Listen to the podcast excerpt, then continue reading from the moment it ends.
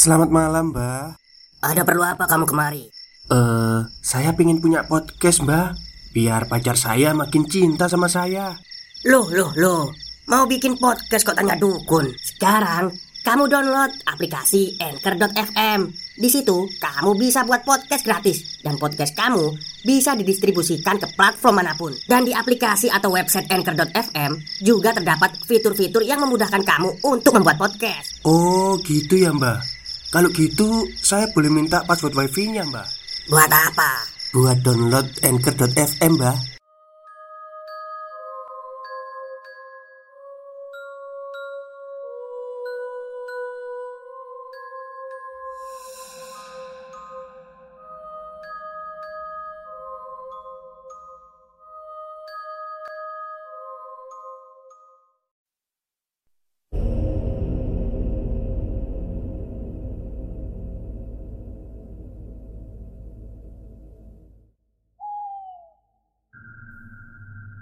Assalamualaikum warahmatullahi wabarakatuh. Halo semuanya Jumpa lagi dengan saya Chow Sing Sing Kurator dari podcast Horror Night Story.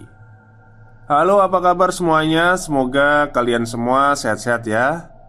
Dan seperti biasanya pada malam hari ini saya kembali Dan akan menghadirkan sebuah kisah mistis untuk kalian semua Kisah mistis kali ini adalah kisah mistis yang pendek ya. Treat yang pendek dari Mas Agil Saputra. Tentang teman ayahnya yang pernah terjebak di pasar setan. Jadi pasar setan di sini bukan gunung ya Di gunung bukan. Jadi pasar setannya itu letaknya di tengah-tengah kebun cengkeh. Seperti apa kisahnya? Mari kita simak Kejadian ini dialami oleh Pak Rudi, bukan nama sebenarnya. Beliau adalah teman ayah saya dari remaja.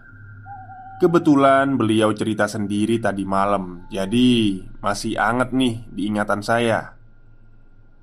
Biar nggak ribet, kali ini saya cerita sebagai Pak Rudi aja ya. Jadi, saya ingat sekali hari itu hari Sabtu. Tapi tahunnya saya agak lupa Kira-kira antara tahun 1988 atau 89 Itu malam minggu. Ada pertunjukan orkes dangdut di desa sebelah. Desanya memang bersebelahan Tapi menjadi jauh karena memang batas desa di sini adalah hamparan kebun kopi yang luas. Tapi namanya remaja ya waktu itu Orkes dangdut lagi ngetren. Waktu itu jam 7 malam saya sudah mau siap-siap berangkat ke lokasi. Karena saya jomblo, saya berangkat sendiri, berharap nanti di acara punya kenalan baru. Saya berangkat naik Vespa. Walau jalan di tengah kebun kopi, tapi waktu itu jalanan rame. Banyak muda-mudi yang berjalan berpasang-pasangan. Ada yang naik sepeda, ada yang jalan kaki, dan waktu itu tidak semua remaja naik motor. Saya jalan aja lah. Tibalah di gumuk gondang. Di kiri jalan ada cewek Pakai baju dress merah Di bawah lutut. Rambutnya ikal. Pokoknya masuklah kalau anak zaman sekarang. Dia sedang jalan ke arah lokasi pertunjukan. Saya pelankan motor saya Sembari mendahului. Saya menoleh dan ngomong Mau ke mana mbak? Mau nonton? Dia nggak jawab, tapi cuma senyum.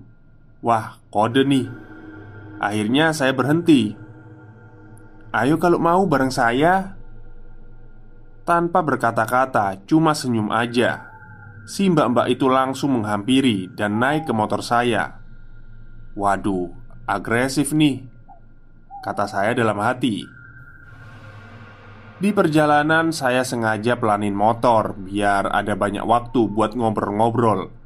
Ya akhirnya terjadilah sedikit dialog yang aneh. Orang mana mbak? Orang situ tuh mas. Hahaha. Ngomongnya ngegas terus ketawa. Saya diem aja takutnya orang gila. Atau gimana gitu. Tapi dia cantik sih Terus tiba-tiba dia nepok pundak saya dan berkata, "Nanti pas pulang aja, kalau mau tahu rumah saya." Di situ saya lega sih, soalnya dia ngomong biasa, nggak kayak ngegas kayak tadi. Mungkin tadi cuma bercanda. Akhirnya sampai di lokasi orkes. Di situ rame banget. Kita turun dan nonton orkes di situ. Itu sekitar jam 8-an. Seperti mulut dikunci. Saya nonton itu orkes dan tidak tahu mau ngomong apa. Si mbak-mbak itu juga diem aja, cuman sesekali menoleh dan senyum ke arah saya. Manis sekali senyumannya. Dan di tengah-tengah pertunjukan itu ada keributan. Biasalah orang mabuk. Karena keributannya semakin meluas, akhirnya mbak-mbak itu ngajak pulang. Padahal baru jam sembilanan. Orkes biasanya selesai jam 10 sampai jam 11 Mas, pulang aja yuk. Dengan sedikit terbata, saya jawab Oh, saya ambil Vespa dulu ya. Mbak-mbak itu jalan nyusul terus naik setelah di dekat jalan utama. Wah, kok dada ada yang berantem segala ya? Iya mas, saya jadi takut. Setelah itu tidak ada dialog sampai lima menitan. Tiba-tiba saja dia bilang Nama saya Ambarwati mas. Oh, nge Kulo Rudi mbak. Jadi mau lihat rumah saya? E, Memangnya nggak apa-apa mbak. Nggak apa-apa kok mas Tibalah kita di dekat gumuk gondang. Belok situ, Mas. Padahal di situ sama sekali nggak ada jalan untuk belok.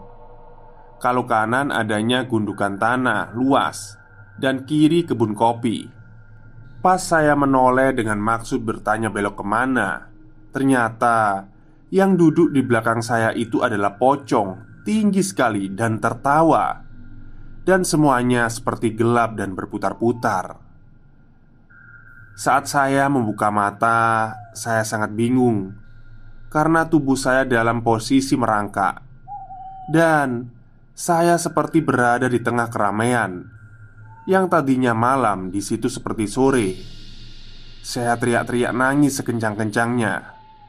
Saya mulai diam ketakutan dan melihat di sekitar. Sepertinya saya di pasar. Terlihat para pedagang. Ada yang dagang gerabah, sayuran. Ya, pokoknya kayak pasar tradisional gitu. Saya sangat bingung. Saya tutup telinga saya dan pejamkan mata saya. Lebih seperti mimpi. Saya tidak bisa mengendalikan diri saya. Di situ, saya berdiri pun tidak bisa. Saya hanya merangkak, mengamati sekitar, dan para orang-orang di situ wujudnya mengerikan, seperti manusia biasa, tapi wajahnya cuma ada mata tanpa hidung dan mulut. Saya di situ menangis, semua mata memandang ke saya, tapi tubuh saya nggak bisa berdiri. Saya mempercepat gerak, pokoknya maju sambil nunduk aja Gak tahu mau ke mana. Itu gak lama mungkin sekitar 15 menit. Saya masih bisa merasakan Tapi gak bisa mengendalikan. Seperti mimpi lah. Sampai akhirnya saya ingat Tuhan Dan berdoa sebisanya.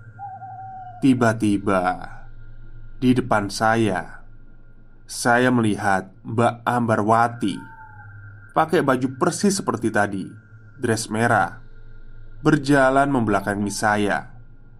Saya coba panggil, "Mbak, Mbak Ambar, Mbak Ambar." Tapi dia diem aja dan terus berjalan tanpa menoleh. Sampai akhirnya saya melihat ada cahaya putih dengan sosok Mbak Ambarwati yang juga berjalan ke cahaya itu.